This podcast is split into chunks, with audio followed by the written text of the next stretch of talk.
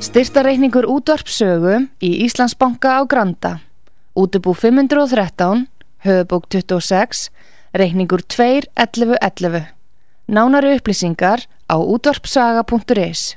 Takk fyrir stöðningin. Útvarpsaga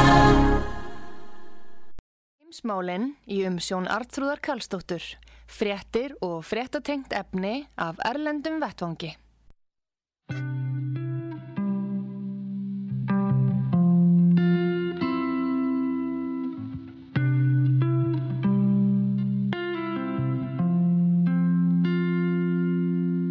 Fyrir fram skrifað í skíin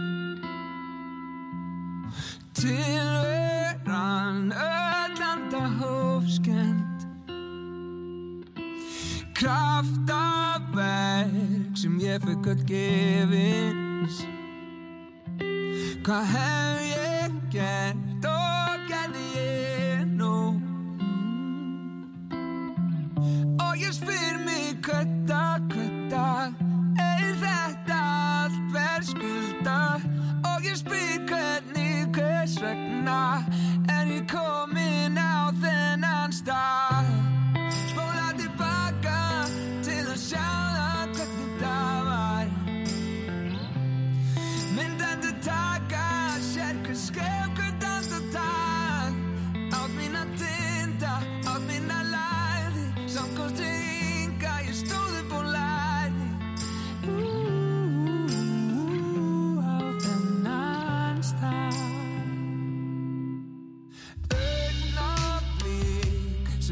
solid did not.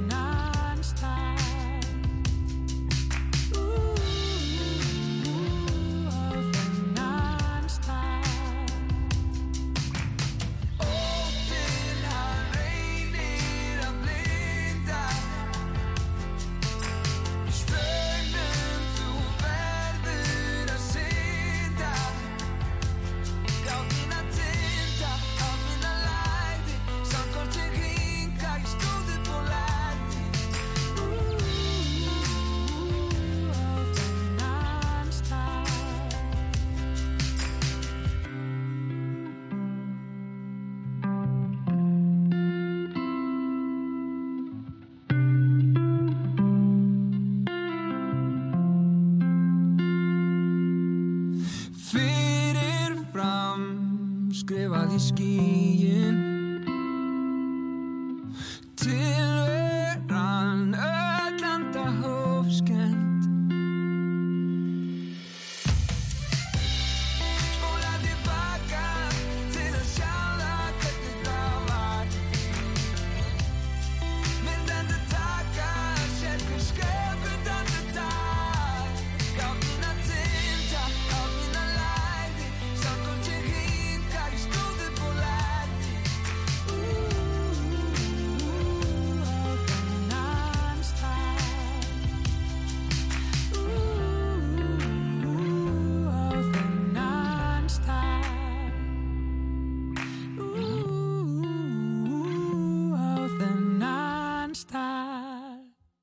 Heimsmálinn í umsjón Artrúðar Karlsdóttur, fréttir og fréttatengt efni af Erlendum Vettvangi.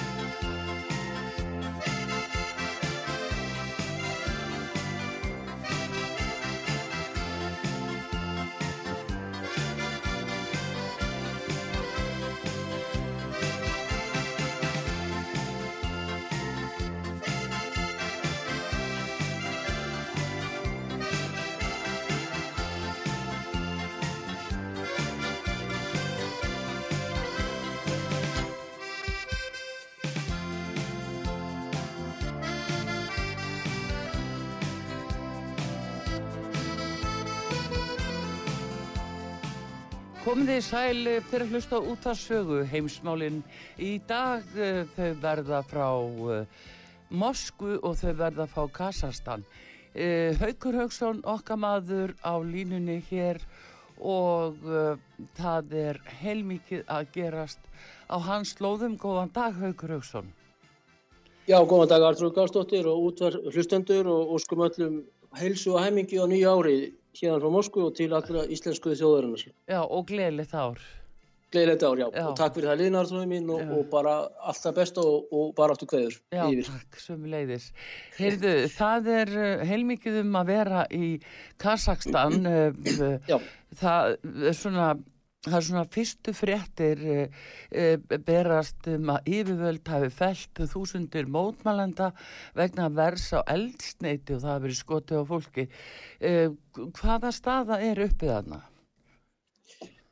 Já, það er komin upp mjög alvarleg staða og erfið staða fyrir já, stjórnvöld sérstaklega í Kazakstan sem er, var stærsta sovjetleveldið og er sagt, nýjunda stærsta land heims þar er sem sagt, er Alma-Ata er höfuborgin að hétta síðan var Astana en heitir núna Nur-Sultan þetta er stort og mikið land sem er ríkt af uh, þar kannski kemur ekki óvart núna út af þessu látum að það er úran eða úraníum, úran er uh, jarðefni sem er mikið þannig jörðu og þeir hafa á sovjetimum og þá var það ekki selt neitt úr landi en þeir eru núna á frálslumarkaði en hins vegar hafa verið í mjög miklum og góðum tengslum við Rúsland og Putin. Já. Allt frá því að Nursultanu Nazarbayev var þarna flokksleitógi og forseti.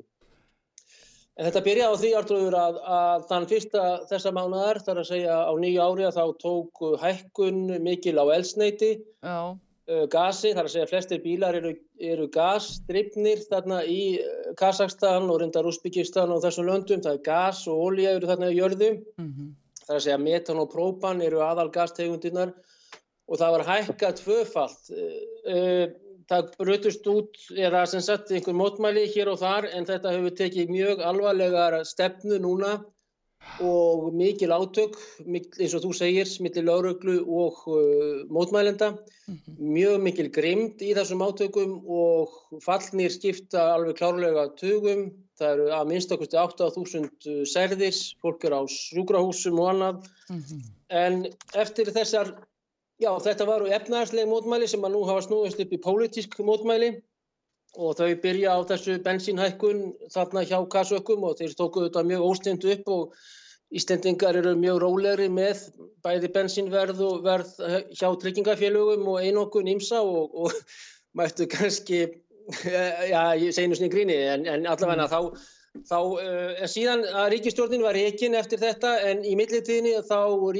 lækkaði, þá tóku ríkistjórnin þessi, þessar verðhækkanir á, á eldsneiti bíla tilbaka mm. og minkaði jafnvel verðið undir því sem hann var árið 2021, þar sjá nýjáru, þeir voru að reyna að koma til móts við mótmælendur sem að róðust engan veginn við þetta og eins og ég segja þá hefur þetta verið núna í já, hátt í viku eða reyndar voru menna að fagna náttúrulega nýju ári, fyrsta og annan kannski og þetta eru sem sagt uh, Kasakar eru Asíu þjóð, uh, Asíu útlits ef að svo má segja og vorandi má segja það ennþá Já. og Bórat, breskur gríðari, gerði mikið grína þessu þjóð af Kasökum eða Kazakstan og, og þannig að þessar óerður hafa verið að þróast og aukast núna og nóttina sem leið að þar, þá hefur þetta brotist út og menn ráðast á lauruglumenn og, og maður hefur séð þess að það er myndra menn ráðast á sjúkraflutningamenn líka. Já. Uh, mikil grimd uh, og herin hefur verið sendur þarna á vettvang. Nú Qasim Jamarat Takayev sem er fórseti sem að tekur við af Nursultan Nazarbayev var með ávarp til þjóðarinnar þar sem hann kallar þessa menn terrorista og hann muni nota allar aðgerðir, öll ráð sem að stjórnarskrá, lörglu samþyktir, þetta er stórt land í öllum þessum borgum, leifa honum að gera. Síðan er eitt í þessu líka artrúður sem er mikilvægt að þeir eru í varnarbandalagi á samt sex öðrum fyriröndi Sovjetþjóðum. Rúsland náttúrulega er þar stærsta landið en auk þess er Armenia og Hvítarúsland og síðan eru þessar Asíuþjóður, Kazakstan, Kyrkistan og Tatsikistan og það hafa borist myndir af fallegahermönum eða sem eru mjög öflugir hérna, rúsneskir fallegahermön eru sérsveitir og elitan í hernum. Og mér skilst að í nótt hafi Dagayev uh, eða sýnt í gerðkvöldi ringt bæði Putin og Lukashenko og byðið um hernaðarastu. Það er að segja að sérsveitir slavneskra uh, dáta sem eru mjög öflugir, fallega menn eru á létt búnum BMP er að kalla, þá er hægt að henda þeim vögnum út í fallíf og þeir eru sérfræðingar í því að taka fórsetahallir í því að, að eins og þeir gerði Afganistan 79 og víðar og, og það er kannski áhyggjuefni en þetta er reyndarétt að þetta er, þetta er urban warfare á ennsku, þetta er borgarhernaður gegn æstum múr. Já, það er líka er... áhugavert að Takayev Kasim Takaev, uh, nýr fórseti, að hann segir utan að komandi aðila, alltaf vera hérna í spilinu mm -hmm. og ég held að hann sé þá að benda á Facebook, Twitter og Big Tech 5, bandaríska að öllu leiti, já, uh, aðila sem að hafa reyndar sannanlega og sannarlega staðið að hjálp á uh, valdaránum ekki síst hérna í Östublokkinni í síðust áratví. Já, að þetta sé Alveg. þá gert út og, og múrin svona æstur í gegnum þessa samfélagsmiðla. Er hann að segja já, það? Já. Er ég að skilja þið rétt? Já, það er alveg rétt, rétt mm. og í svona mótmælum þá er logistik og sem sagt mannfjöldi, mannsöfnuður, flutningur á fólki, fánum, eldi við, molotov, flöskum, uh, og öðru er, er, er, er líkilatrið í svona málum og eftir því sem að Qasim Takaev fórsiti starfandi allavega en þá að Takaev segist alltaf verð vera mm. í uh, Núr Sultan sem er nýbyggð höfuborg, þetta er nú mikið einimerkur land þarna og annað uh, Karakalbakstan er þarna stort svæði, einimerkur svæði sem er sjálfstjórnarleifildi vestast sem er reynda að skipta nú ekki máli þessu sambandi og og miklu ræðlingar ágætis fólk og gaman að sitja hann með þeim í tjöldum og júrtum og annað og mikil kvikfjárurækt hjá kassökum mm -hmm. Að það gæf segist að ætla að verða eftir í, í ekki að yfirgefa uh, höfuborgina Núr-Sultan nú þá er hann kannski að vísa í, í Ghani fórseta uh, Afganistans Já. sem að flúði með heigulegum og, og ræðilstilegum hætti líkt og bandaríkjaman frá Kabul í ágúst í sumar Já Með fulla flugvila peningum. Og, með fulla flugvila peningum. Já og auk þess að þá glemdi Gani ekki peningunum. Já, nei, nei, nei, en uh, hérna þetta er samt haugur sko, það er svona spurning hvernig á að lesa í þetta en uh, eins og þú segir að, að nú er hann búin að kalla til, uh, já, að fyrrum hérna félaga í Sovjetríkjónum allavegna eina fimm eh, aðila, fimm lönd sem eru í samfunnu og öryggisbandalæinu sem að, eh, hvað var stopnað 99 og er í fyrsta skipti svona kallað saman Já. að reynir á þetta fyrst núna manni finnst einhvern veginn eins og að, að það sem bara verið að sækja rosalega að rússum að því að nú eru rússar og, og hjá hvaðmilega inni í þessu, þessu bandalæði Algjörlega, Arþrúður, þetta held ég sé mjög spaklega meld og rétt mitti hjá þér vegna þess að menn hafa voru nefnilega að, að eh, segja það að strax eftir áramót eh, spakir menn hér eistra í sjónvastáttum og sem að ég tek stundum þátt í, alls konar sérfræðingar að tala og mér bóðu þarna stundum Já. í sjónvarpið hérna eistra og þá voru menn, og menn eru reyndar í fríi núna vegna þess að 70, 13. er núna og fyrir ári var þarna Washington dæmið og 13. árásinn og 13. er jólun hjá orþódoks muslimum, uh, kristnum sem eru réttnáðar. Þannig að menn kom ekki til vinnu hérna fyrir en tíunda en uh, auðvitað minna að vinna hjá, hjá KGB og Hernum og, og, og FSB og þessum stofnunum öllum. Já, já. En menn, menn voru að spá því að það er sérstaklega langt vetrafrí núna hjá rúsum. Men, menn voru einmitt að spá því að strax eftir áramót yrði augrun einhverstaðar á landamærunum rétt hjá Rúslandi og þá voru menn helst að horfa á Póland og Kvítarúsland Já. á þau landamæri á Úkrænu, á stórar og mikla sérsveitir, bandaríkjaman og breyta í Úkrænu og það sem að Putin segir réttilega mínu mati að hans herrmenn eru heima á sér. Hins vegar eru þessi bresku og bandaríska sérsveitir og mikill fjöldi NATO-herrmanna komnir upp að tröskuldinum, upp að Uh, já ekki bakdýrum, heldur þröskuldir Úslands uh, marga meiri, fleiri þúsund kílometra frá sínum heimastofum sem eru miklu miklu lengra í burtu og þetta þurfum enn kannski að reyna að skilja líka. Já, að það en- yrði augrun og reyndarartrúður að þá kemur Kazakstan núna mjög óvart vegna þess að þetta er best hefnaða sovjetlífveldið í miðasíu Það hefur verið mjög mikið stabilitet með einungist tveimur fórsetum, ekkert valdarán, ekkert valdarán eins og var í Kyrkistan marg, marg oft sem er nágrunarlega veldið og þeir eru líka sjömennar sálsöðu, að þarna var Nursultan Nazarbayev og núna er Kasim Dakaev, þannig fórseti nummer tvö á 30 ára tímabilinu nota benni frá fralli Sovjetsins. Auðvitað var Nazarbayev uh, mjög lengi en Já. þarna hefur verið hleyftinn ellendum böngum og gældir í sjóði og þeir eru að selja úranið líka til hestbjóðanda og úran er náttúrulega mjög mikilvæg málmur hvað hva varðar í kjarnorku vinslu og, og jarð og frumefni þannig að það er það. Er það.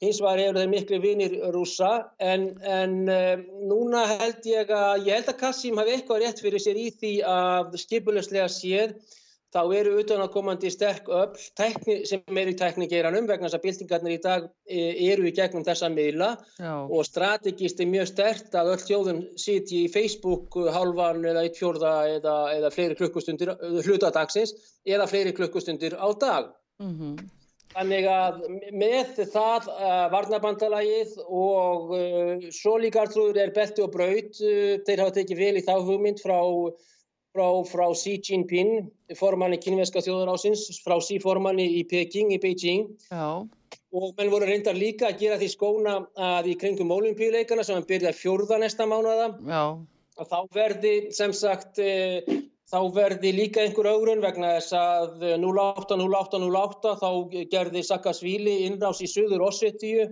og þannig byrjuði Ossetíu stríðið. En það eru hins vegar Íslendingar sem halda því fram að rússar hafi ráðist að Medvedev sem að þá var fórseti hafi ráðist á Grúsíu, á Georgiu þegar að Mikael Saakashvili var þar fórseti þannig að Goebbels, ég verð bara að segja þetta beint út uh, er mjög ánægð með sína menn frá, frá einhverjum háskólum og segjast vera prófessorar og, með aðrar eins uh, já, ósanindi og sögulega er náttúrulega alveg ótrúlegt að, að menn komið þessu fram en það var, það var Mikael Saakashvili sem að hélt að hann fengi þá stuðning uh, bandarækja manna 2008 þegar að 08-08 var verið að opna olimpíuleikuna í Beijing, í Peking, sumar olimpíuleikuna, Peking er fyrsta borgin sem heldur bæði vetrar og sumar, notabene, olimpíuleika, að halda slíku fram og, og þetta náttúrulega er á Wikipedia en menn verða bara að koma með eh, vandar upplýsingar og, og ótrúlegt en, en, en, en og Goebbels náttúrulega bara brosir. En, en Saakashvili ræðist þarna á, á Suður Ossetíu í 8. ágúst 2008 mm, uh, akkurat þegar olimpíuleikarnir eru og menn byggust við þessum augrununum kannski í byrjun næsta mánadar. En það er alveg ljóst held ég og þessi sérfræðingar hérna eistra uh, vinni mínir og aðrir að uh, það á að gerast eitthvað, þá að verða augrun og þá kannski í Európa-partinum til þess að reyna að stoppa endanlega hérna gasliðsluna uh, hérna sem sagt uh, Nord Stream, Stream 2. já, En það að, að þetta sé að gerast núna í Kazakstan kemur kannski óvart og kannski ekki ákveðin leitu vegna þess að þeir eru í mjög góðu efnaðarslegum tengslum og sambandi við rússana, mm. kazakarnir. Já, það eru skelvilegar uh, aðfarir þarna og það er talað um að menn hafi verið hálshögnir og tveir, uh, ef ég mann rétt, lauruglumenn eða hermenn sem hafa voru af, höfðaðir af æstum. allar minna eitt lauruglumaður hálsökun og, og tólf uh, letust laurugluminn. Já, já, já, þetta Það er alveg já. afleiðingar af á ungum strákum sem eru bara í sinni hers, herskildu og gegn e, e, Já. sömu þjóðinni. En ef það þú, að æstur Haukur. skuli ráðast á, á sjúkraflutningamenn já, og rýfa það út úr bílunum og, og, og síðan kannski að fara að leita af livjum og annað. Reyndar er það trikk sjá leinu þjónustum og öðrum í Kíf og annar staðar og þarna voru nú Íslendingar. Eru það að það eru ákveðin liv og annað sem er til æsta múksins sem er sérstaklega þegar að ráðast á, á fórsetahöllina en ef það kemur til bardaga við fórstahöllina þá skiptur öllu máli núna hversu vel skipulagður múurinn er vegna þess að ef að sérsveitir, spetsnas, uh, sveitir kvítrúsa og rúsa sem eru gríðarlega öflugar mm, uh, fara í það að uh, berja niður æstan mú sem ætlar að ráðast á þingúsið þá verður það mjög erfið aðgerð og blóðug og, uh, og uh, hérna fyrir allt eftir hversu skipulaður múurinn er sem vissulega er ekki að sama á yfirstjórn hessins og auðvitað hafa þeir algjörlega yfirburði í lofti vegna þess að múurinn hefur tekið yfir lauruglustöðvar og annað en ekki flug hér inn og ræður engu, í lofti. Nei, en, en haugur, ymmið þetta, ymmið uh, þetta, uh, sko hverjir saman standa af þessum sem er að mótmæla? Er þetta almenni borgarar, er þetta trúabræða uh, dæmi, útlendingar, einhverjum ástæðum inn í landinu, hverjir eru þetta? Þetta er mjög góð spurning Arþróður og uh, ég held að við þurfum að líta hérna á miðan ágúst uh, á síðast ári mm. þegar að bandarækjumenn skilja eftir ógrinni, ótrúlegt magn uh, vopna, ungra vopna, flugvila, þyrla, jeppa, höm, hömmerar, villisar, gömlu góðu villisin, ykkur er hann Já, nýri í Afganistan. Já, nýri Afganistan, já, já, já. Og, og þetta er náttúrulega nákvæmlega veldi og það sem að mennir kannski að spila upp á líka núna er það að hjá Qassim Tagaev er veraldleg stjórn, þar að segja er hann fyrir um kommunistafleitói og var í Ungarjadildinni og Nazarbayev var það vissulega líka. Nazarbayev vann með Gorbachev hérna áður fyrir að eh, sem að ekki hafa hlift inn trúar, öfgatrúar öflum og öðrum inn í pólitík í landinu sem að engan, eng, ekkert vægi hafa haft hinga til í, já sem betur fyrir ekki heldur í fyrrum sovjískum í Asíu En með þeim faktori að um, það eru gríðalegu fjöldi bæði Al-Qaida manna og svo Talibana sem, a, sem a eru í bardaga uh, já, hug og vilja ná alla leið hinga til Moskvu og Vínaborgar og Oslo og Reykjavíkur og bara helst vestur um haf og allt þetta sem þeirra stefna gengur út á. Já. Þá er það mjög hættulegu faktor í þessu máli og þeirra vopna, eignu og vopna bíliðir sem, sem að þeir hafa. Þannig að Að einhver leiti líka sjálfsögðu er þetta óvanaður almenningur sem er farið að vantar hennilega til nýrs og skeiðar vegna þess að efnaðars ástand hjá almenningi mjög víða einnig á vesturlöndum að menn þurfa að velta hverju krónu og eiri fyrir sér áður en farið og í búðinni og velja ofan í korfuna. Þannig að þetta hefur líka brotist ótrúlega fljótt og mikið út uh, gagvart, hjá almenningi í hatri hreinlega gegn stjórnvöldum, lauruglu og ennbætismannum og herrmannum og öðru e, gegn eigin sagt, fólki. Þannig að það er náttúrulega mjög á, já, já, sorglegt og áhugavert og kannski bara sagt, fræðilega séð er, erfitt mál. En, en e, þannig að einhver leiti er þetta almenningur og þetta er bensínu uppreist þannig að en hins vegar og því sem að lengra líður á þá er alveg klárt að, að, að, að þessa leinithjónustur og ég held að Breska sem er mjög sterk og franska líka og aðalega bandaræsku átjón leinithjónustur Pakistanarnir og allt þetta ég veit ekki með þá kynverjar hafa ekki hagað þessu Pakistanleitnir og Tyrkir náttúrulega, þetta er uh, uh, tungumáliðar tyrknarsku meiði, að þeir munu mobilisera uh, því meir og meir til þess að þessu, að stinga þessu svæði undan rússonum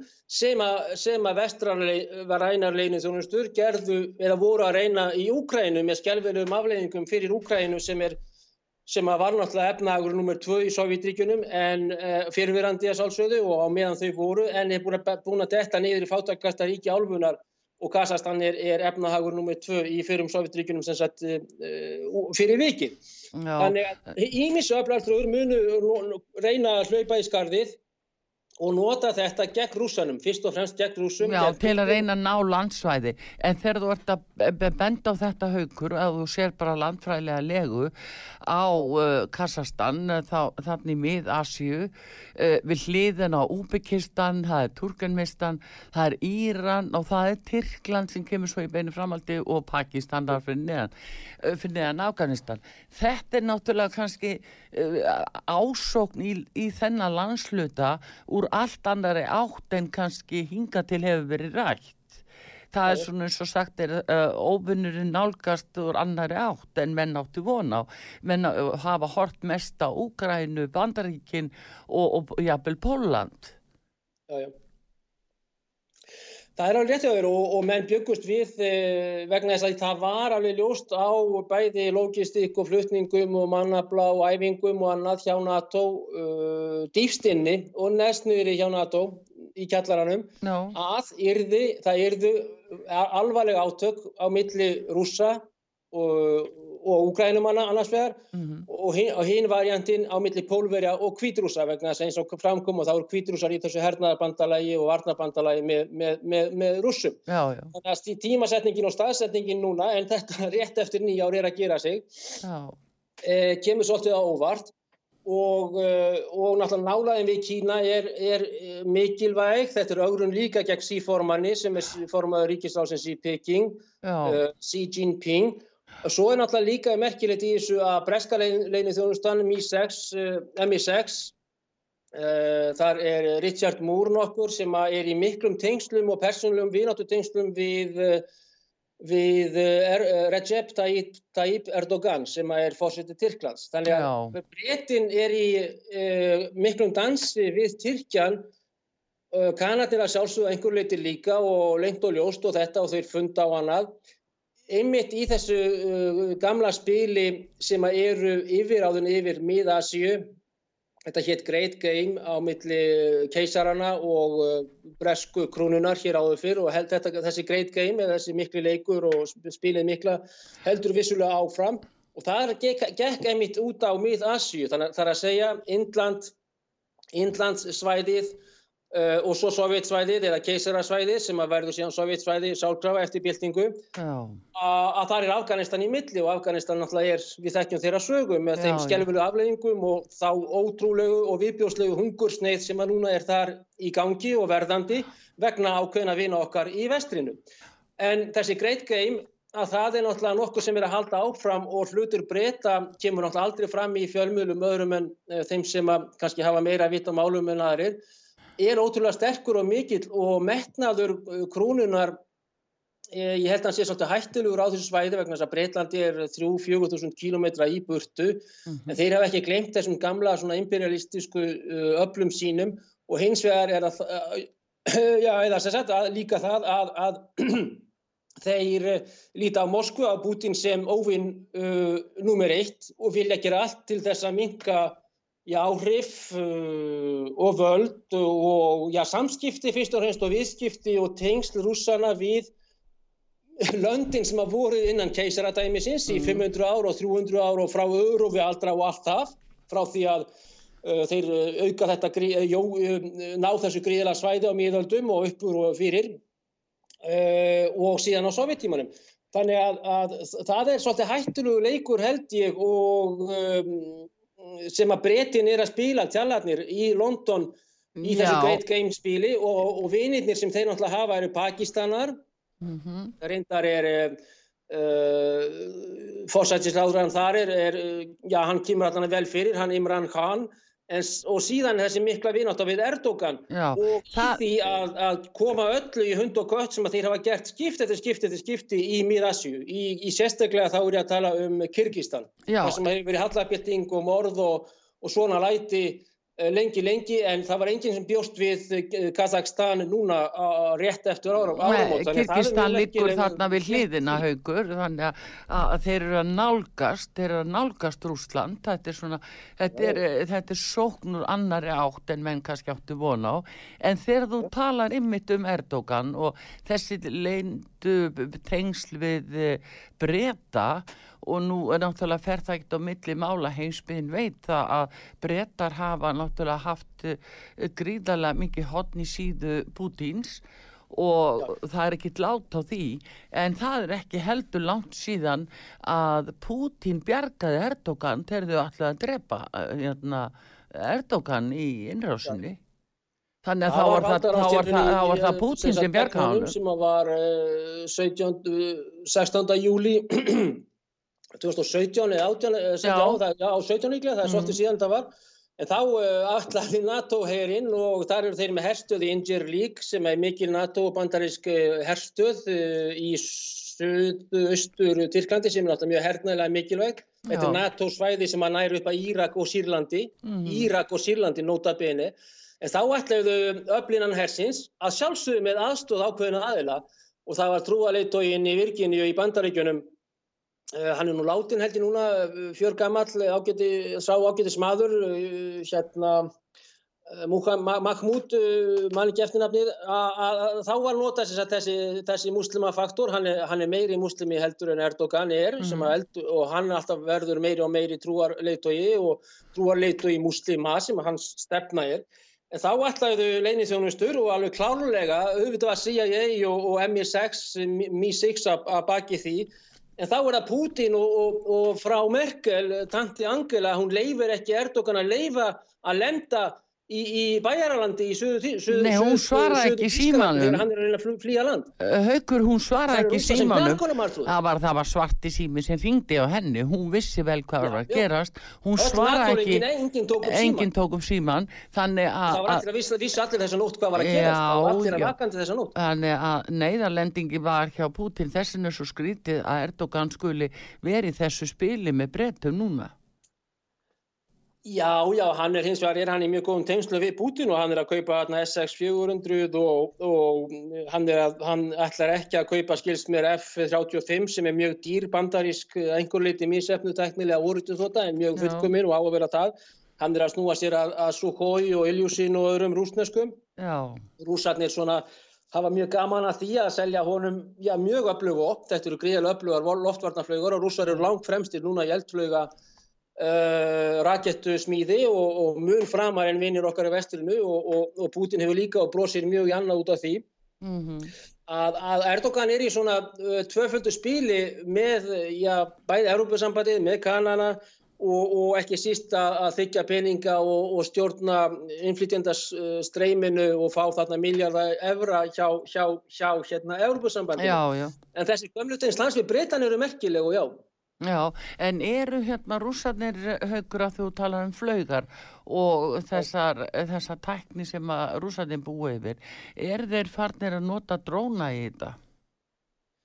Uh, þeir eru mjög færir með dróna en hafa ekki verið í því að, að uh, ekki enþá að nota dróna og, uh, og bandarækjumenn ásamt Mossad drápu Uh, Qasim Soleimani sem var mjög öflugur íranskur leittói fyrir tveimur árum núna, það var 3. januar 2000, 2019 já, já. en rúsar hafa ekki nota dróna að neinu viti, hins var eru mjög færir Tyrkitin eiga Bayraktar dróna svo kallað sem að því flagskip á tyrknesku Bayraktar og hafa verið að selja þá til Úkrænu til dæmis en já. ef að til átaka og, og þar sem að menn er alltaf að segja að Putin ætli sér Putin er að fara að svona lí áróður og, og heila þóttur að ráðast á Úkræninu ja. þá er það bara nokkur sem að vísa þarf algjörlega aftur til föðurhúsuna og, og vel það vegna þess að eins og ég segja, hann hefur stærsta land í heimi og þeir er jafnvel í vandrað með þetta land mm. en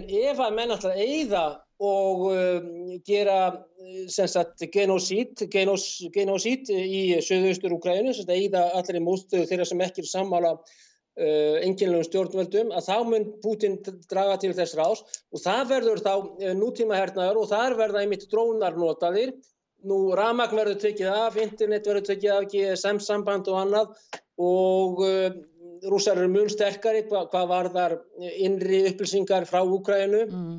og þeir hafa miklu meira sympati hjá úkrænsku þjóðinu heldur en hinn enginlega leitói Selenski og það verður stríð sem að verður þá á stríð 21. aldarinnar og ef þeir vilja þá rúla þeir þarna yfir og, og, og þessi NATO-menn þá þurfa að fara heim til sín og Já, það sem að bresta Hvenar áttu von á því að þetta verði? Interneti verði tekið úr sambandi, ramagnir tekið á. Hvenar, hvenar eh, erum við að sjá þetta núna á allar næstu vikum eða?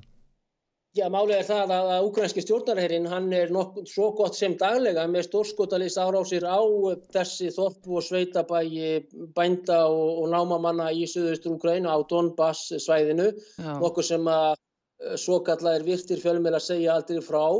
Nú þar er mm, í, í Ukraínu bönnuð bæði bókmæntir og annað og heilt tungumáli banna sem að flestir tala og annað, mm -hmm. en hins vegar ef að e, NATO innstýr hingurinn og neðst í kjöllurunum og bunkurunum hjá NATO að Selenski þarf að fá sér fleiri atkvæði ef að NATO gefur honum græntljós eins og þeir gáfu Sakasvili 08-08-08 þegar olimpílíkatir í, í Peking voru opnaður Já. þegar hann ræðist á Þjóður Ossetju að þá mun hann ganga í það að útrýma þessum náma og sveitafólki í Donbass svæðinu og þá er það Sergei Sækú og, og Putin og æsta hérna, herráðið, þá gengur það í mjög alvarlegar og hardar aðgerir í því að slökka á undunitinu og, og, og eigða hreinlega bara uh, já, eigða þessum árásarherjum sem að miklu, stjórnarhersins sem að miklu mm. leitur upp byggðir af öfgasveitum uh, nínasista og svo eru þarna aukasveitir frá uh, sjálfbúðalagsveitir frá allri vestur Európu líka sem eru mjög hallar undir nínasisma og þeirra symbolismi og symbólika. Uh, hakakrossar og SS-merki og annað eru víða og allstaðar sjáanleg já, og, og, og bandarski fánin og eitthvað eitthvað. En, en það verður ekki nema ef að um, Selenski ásamt þessum uh, sveitum uh, fari í það að borgar og bæjar hernaði gegn þessu fátæka fólki þarna sem er í sveitaþorpum og litlum bæjum auk tveggja miljóna borga sem heita Donetsk og Lugansk. Já. En að fyrrabræði, fyrrabræði þá mun Putin og, og hans hér aldrei ráðast inn í uh, Donbass svæðið og þá verða mann líka að taka mjög vel í reikningin ástandi sem að var í, á Krímskaga Eh, februar-mars 2014 og svo aðgerð sem að var, sem að rússar segjast hafa verið neyttir í og Putin segist, segir það persónulega til vitnun en þar hefði árið skjálfilegar uh, aðstæður þegar að NATO ætlaði að reyka svarta flota rússa úr Sevastopol úr þeirri flotastöð sem að þeir voru með á leigu í Sevastopol samkvæmt Kharkov samkómulæginu. En það var, Artrúður, það sem var, var ákveðið í bunkerunum, það er það sem var ákveðið í NATO-fundunum, það sem að þeir setja eh, í hinn og þessum sendir áðum og, og, og, og í dýfstu kjöllurum NATO-s. Þar var það ákveðið að, að með um, þessum uh, út úr dópuðu fókbaltabullum og það er hægt að lýsa þessu lengi,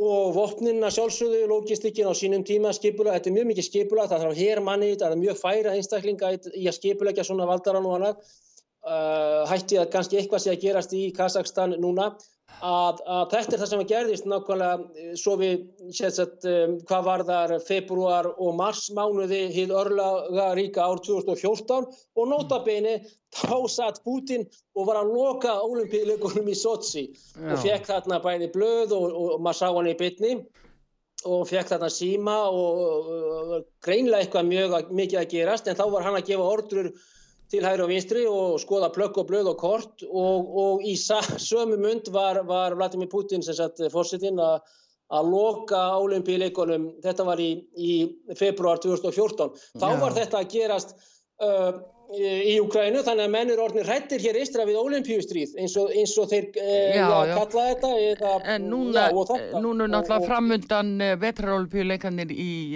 í hérna Kína þannig að eh, menn eru náttúrulega svolítið á nálum og, og, og Kassastan er nú ekki langt frá. Þannig að eh, hvað þetta er að tegja sig. En hins vegar það aðtílisvert haugur að eh, pólverjar búsettir á Íslandi voru sendir út til Pólans í gær voru kallaðir hérðan til þess að taka tátt í, í hernum fari í herin í Pólandi og Póland náttúrulega liggur upp að landamærum Úkrænu og Kvítarúslandi þannig að eitthvað ennu í uppsiklingu þarna sem við vitum ekki alveg um.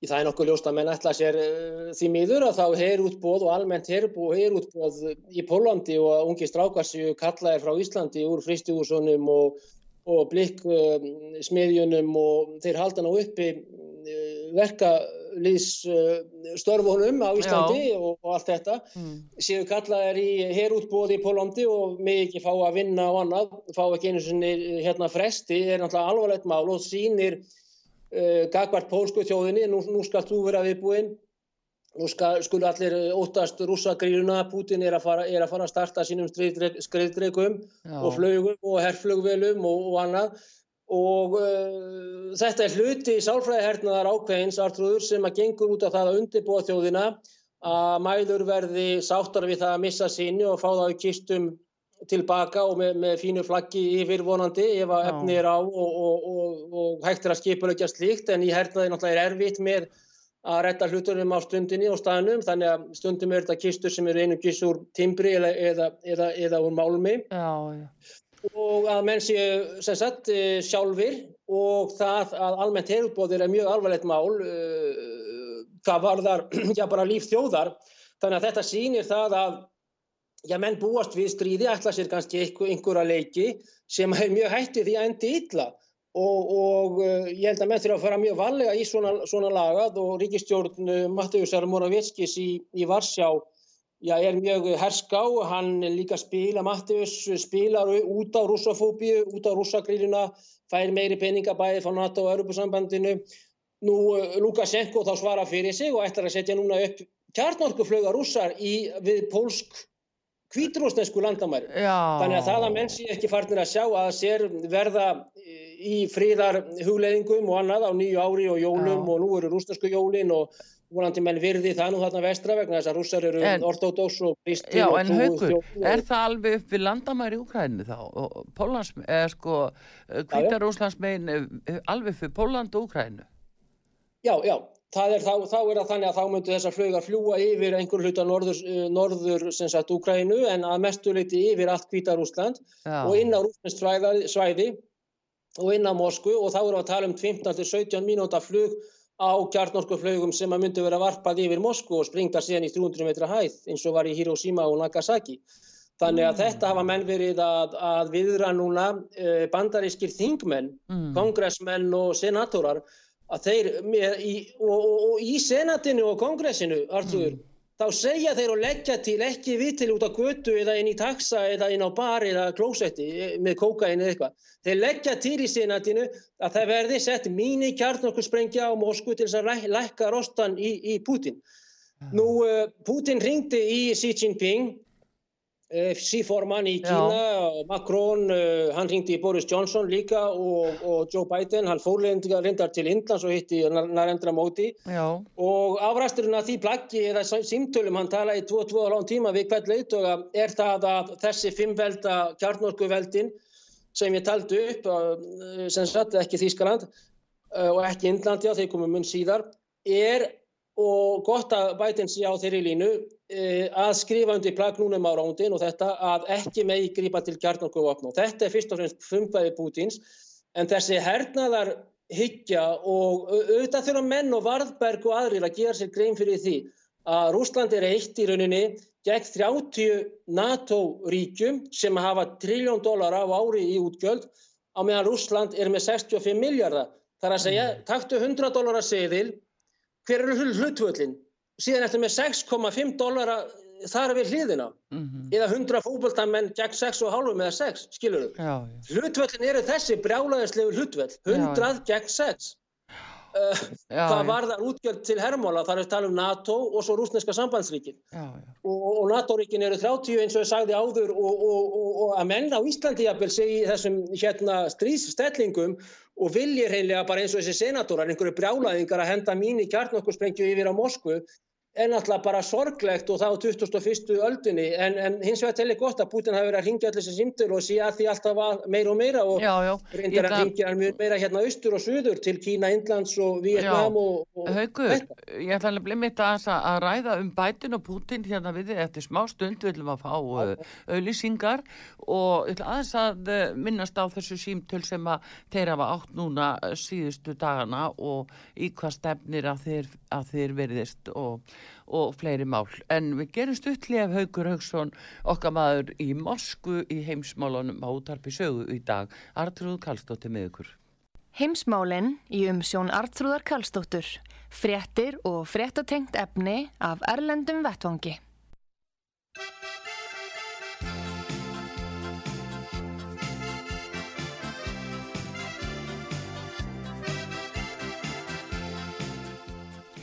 Komiði sæl aftur heimsmálinn á útvarpi sögu. Haukur Haugsson, frettamæður okkar í Mosku á línunni.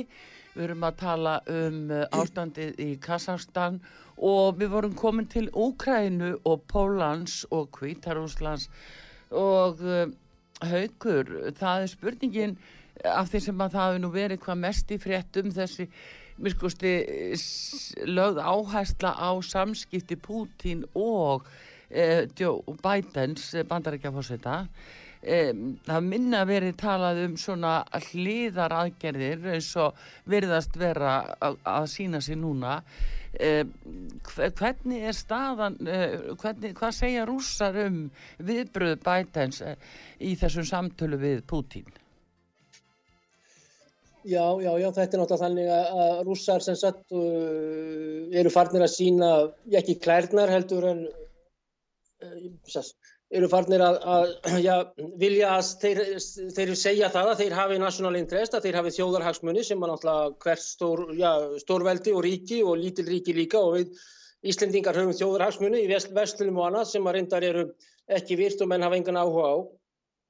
E, og hann vill að rússar fái garanti, garanti sagt, á, ábyrð fyrir því að e, frá NATO-ríkjunum um það að, e, og þessi nýjast ávöxturinn sem að ég myndist á rétt áðan og þú líka með þessi yfirleysingu og þetta var í mokkanum og annað, um að menn uh, á móti kjarnorku váni og þetta er náttúrulega anda þeirra fríðarhefingar sem að voru hér fyrir margt lungu sem að eru einhvern, einhverja hluta vegna steindauðar og hefur gengið mjög vel að, að ganga millir bóls og höfuðs á og er, mikil torf á fríðarhefingum en þá en einhvern veginn tókst að drepa þær og að eh, sagt, eh, síðan það er formatið á þessu er spurning vegna þess að Þarna er fórseti Rúslands, eh, sambandsvíkisins Rúslands, að tala við fórseta bandarækjana en þá eru 29 leittógar og lönd og mismöndi stór ríki og efnahagur og annað og sumir með, flestir allir með herr nema litla Ísland og, og, og er það til fyrirmyndar vantilega.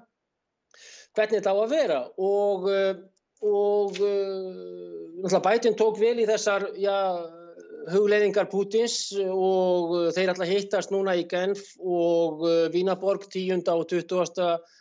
Já, núna strax eftir helgi og eftir hátíðirnar hérna hjá réttrúnarkirkjunni Eistra og, og ræða þessi mál. En ég held að, og ég held líka þessi rétt hjá mörgum að um, það sé ekki hægt að binda ómiklar vonir við uh, það að Eh, það er náttúrulega, eru nýfrjálsíkjuhöflin, það eru neokon-fólkið, það eru eh, sem sagt eh, liberal og ultra, liberal fólk í bandaríkunum og sérstaklega er þessi mjög stert í demokrataflokknum þá hjá Kamilu Harris og, og, og, og Clinton og þeim. Já að, að koma sagt hreinlega bara á helst eh, lítilli eða stóri og, og langvinni og mikið eða styrjöld eh, hjá rúsum á einhverjum vikstöðum til þess að veikja rúsa eins mikið og hægtir sem eru í því miður fyrir þá að þá eru þeir í byllandi uppgangi hvað varðar viðskipti sérstaklega við Austur-Asíu og refsiðagerðirnar gagvart rúsum, það hefur styrt, þær hefa styrt gríðarlega rúsneskan efnahag þannig að nú er VAFTO sem er eh, viðskiptabandalag heimsins, það er á því að refsa rúsum fyrir það að byrja að búa til eigin aförður sem að þeir get ekki keift meira út af viðskipta þingunum Vesturlanda. Já, já. Þetta er náttúrulega mjög spauðulegt og, og menn hlæja sjálfsögða að þessu hérna Ístra en menn sem þetta er að reymbast mjög mikið við þegar koma Rúslandi á knið sem að mm, styrkir þennan björn eða dreika og björnin alltaf er mm, þannig dýr að, að mm, og þannig alltaf er tjóðar enginn í Rúslands að þessar, þessi rempingur Vesturlanda og sérstaklega demokratana sem er merkilegt sem eiga að vera meira til vinstri og þetta í bandarækjunum og, og þetta að hann gengur ekki neitt upp og hann styrkir og styrkir ja, fyrst og fremst rúsa sjálfa og svo samband rúsa við, við þjóðirnar í í austrinu. Já, já, en þetta er orðin svo pínlega sínilegt að hvað uh, útskúinin uh, verðist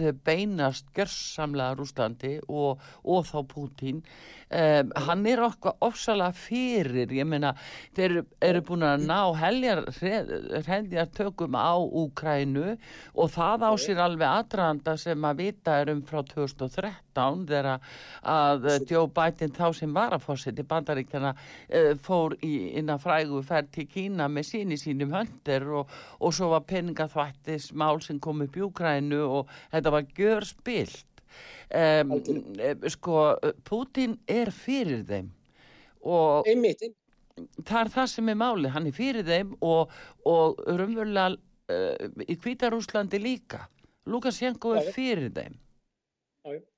Hvað er, það, það, hvað er það? Er það að reyna að ná í gasið, oljina, auðlindir? Hvað er það? Já, þeir fyrst og fremst eru að fara þeir fram á það að þeir fái hjálendu yfir á, á Rúslandi eins og þeir hafa reyndar yfir í allri Európu nokkur neginn í dag og þetta er náttúrulega orðið mjög glóbalt. Það sem nýtt artrúðu líka er það er glóbalismin í þessu sem er orðin meira og meira og sterkari sem að var ekki hérna fyrir 30-40 árum. Nei, nei. Og stórfyrirtækin og hyperkapitalið sem sagt allt það saman tekið. Þannig að það er eitt maður sem er trublar á, þeir eru í þokkalöfum tegnslu við síforman í Beijing í Kína sem að opnar olimpíuleikan og bauð Putin og þetta.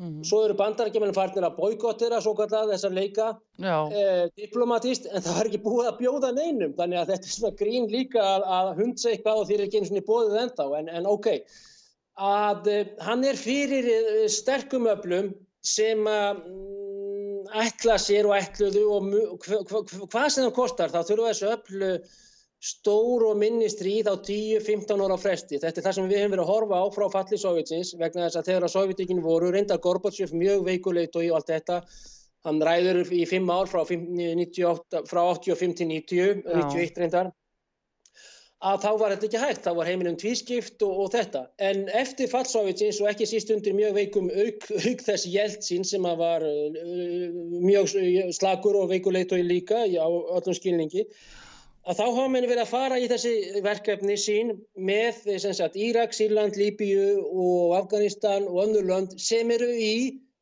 á svæði rúsa og sovjetmanna og núna Kazakstan sem er fyrir um sovjetsvæði sem, sem að er í ná, nánum tengslum. Þetta er okkur sem hafði aldrei gerst vegna þess að um, þetta Great Game, skulum við segja aftur, á milli Washington og Moskvu voru vor ákveðin virðingavottur þar á milli og, og, og menn hittust og Bresnev og Nixon og Carter og þetta og föðmust og svona. En núna átti að taka Rúsland líka, Artrúður, skilur við. En það gekk ekki það... út af þessu manni sem er að styrkja og styrkja landið meira og meira, mm. er nokkuð vinsætt meðal almennins uh, rúsa, Já. verður að viðkjönast uh, og ætla sér að ráða og stjórna meira, vill reyndar fríðviðskipti og samfinnu og gas og annað selja þetta og kaupa hitt og þetta en hins vegar þá loka menn á hann sjálfur og auðvitað loka þeirra á móti vegna þess að Rúslandir hætta að bjóða alltaf hínakinnina. Félagi Lavrov bara segir þetta, Sergei Lavrov, mm. ég hef orðru um það að hætta þessu og þetta gerði hans eins að þeir svöruð okkur eftir átján mánuði og, og allt þetta. En vandamálið fyrir global elitu, mm -hmm. Big Tech ákveðinleiti, sérstaklega Big Pharma og Big Capital. Já, Big Pharma er náttúrulega alveg allsráðandi núna sko og, já, já. og það, þegar þú talar um globalisma þá er þetta komið út í algjörða augar þegar það var nota bæði veiruna og hvað þá bóluefna svona tengingarnar. Og þær eru orðnað svo yfirkeirðar að með þess að Makrón uh, uh, fraklandsfossiti hann misti stjórn á sér í gær og uh, hann uh, bara sko hann vil helst taka ríkisborgararéttindin af þeim sem eru ekki bólusettir. Hann er orðin trilltur maðurinn Þetta er náttúrulega alveg með ólíkindum að, að hægt sé að, að, að leitu í ríkis, þá erum við að tala um fymta líðveldið, Emmanuel Macron, uh, látið svona út úr sér og ekki í, í hérna Champs-Élysées í einhverjum kokteil nei hérna í Champs-Élysées hérna í um, höllinni já, já. Mm. E, eða var algötunni bara í shopping í mm. engaupaferð ásand sinni konu að ofinbelega og, og það að menn já ytrú leiðtogar skuli segja svona e, sagt, eða, eða skinsamir e, sjálfsögði ég er að meina eitthvað slíkt. Uh, gagvart þjóðsynni hvað eru margir sem eru sammála svona fascistiskum ráðstöfunum? Hvað er þessu margir sem, sem séu ósammála? Meina nú eru kostningar í Fraklandi á þessu ári nú er 2022 já, já, já. ég meina ekki er þetta kostningatriks en ég meina Macron á bara erfitt með skapið í sér. Og, og, og þetta er besti drengur og allt það en, en, en, en það að, að afhjúpa svona skoðanir sem menn hefði ekki geta, geta gert nema með bara þreymur, fjórum innstur ágjöfunum Uh, ofinbeglega er náttúrulega stór hættulegt og bara hvað eru hans PR ráðgjafar, public relation, almanna tinglandir hans Macrons að hugsa, ég meina Já, það er ekki vist að þeir ráði við þetta, sko, hann er náttúrulega komið út í einhverja örvæntingu og Já, það er svona síni sig að hann hann er ekkert eh, endilega sterkulegt og það er alveg sínilegt og það er svo mikið í húfi, það er svo mikið fjárhagslegt spil í húfi. Það vita allir hverju eru bak við hann í, inn í þessum global ring og, og, og þá er bara svo óbústegi peningar í húfi, hann er alveg að flipa. Þannig að, að sko, menn er að leita líka einhverju, sko, ef að kemst upp um þá, að þá að kenna náttúrulega óbólusettum um þannig að þetta er svona síni svona því sem koma skal. Já, já, bara ef að Fraklandi er með einhverja sjálfstæða tilburði, hérna það var eins og Dominik Strauss-Kahn sem var, hann var bara næstuð í orðin fórsett í Fraklands, hérna mjög fær maður sem hafði unni lengi og allþjóð gældir í sjónum, ekonomisti, fær, reffilegur kall, að hann var bara tekinn úr af lífi pólitist af CNN, CIA og, og hérna öðrum miðlum með því að eiga að fara að hafa verið að reyna við einhverja 200 kílóa hérna uh, svarta uh, uppþóttunarkonu á hótelinu í byrju útsendingu á CNN svo hann settur með einhverjum dópistum og mellum í, í hérna ababúr og líka í byrni Þetta var allt spilað á leinintjónustu ákveðisríkis ja. vegna þess að ef frakkar eru með sjálfstæðistilbúri, reyndar er Frakkland ekki hersettið eins og Þískaland með 35.000 termina. Já, en það er sama haugu, konan hún sagði frá og hann var það vittlaus að hann var tekin á, flug, á flugullinu vegna þess að hann átti að sjá því að hann hefði glemt símánu sínu minna hótelherbyggjunu hjá henni og, og þá fór hann tilbaka að sækja síma sinn og var gripinn skiluru og það stóð sá á konin eftir hann þannig að hann var alveg dólgur. Hann, en hann er bara einn af þessum köllum sem ætlar að sleppa í skjóli valdsins. Þetta er vandamálið. Þeir eru tippalingar eins og aðri sko Já, já, já, já. Það en er bara það. Hann var alveg farað einhvern klúb þarna sem að þeir fara í samanlega. Nei, hann gerði þetta við þernu og hóteli. Þessar austur-eurósku stelpur og enginn segir neitt frá sko. Nei, það sem má ekki segja frá því og virðist með að fara með það er eins og mönnum dettur í hug. En hann var nú bara inn á hótelherbyggjum, þetta var þerna á hótelherbyggjunu sem hann stökk á þarna. Hann er að það var bara mikil skömm því að við Íslendinga vorum búin að undirrita þarna 16. og 17. november 2008 strax eftir huni mjög örlaða ríkan samning við hann ymmit í Brussel á fundi sem hún fór Þórun Sveipinandóttir í fjárveru Ingeberga Solrúna, þá var hún auðvitaðingisáður þá fór hún á sérstaklega fund með honum skömmu áður en að þetta gerði sem ég er að tala um og uh, það var örlaðaríkur örlaðaríkur fundur sem við höfum Íslandingar umvölu aldrei fengið að vita hvað var það sem að, að var, fór þar fram og hverju var lofa fyrir höndlansins þetta eru falin skjöl.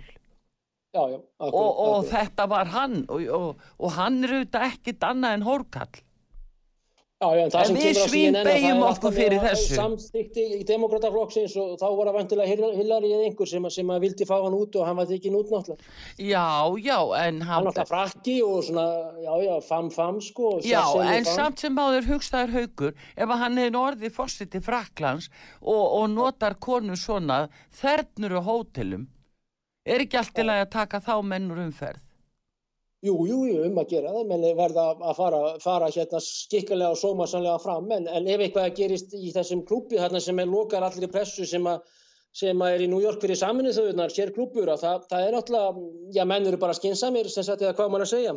Já, já, já. Þeir sem er að djama þar. Já, það er nú það, þeir djama nefnilega líka, sko, þannig að það er bara það sem er fali og við erum látið horfa alltaf og ney okkur og beigja og bera á virðingu. En svo er þeir svona sko líka jú, jú, það er nú það sem er.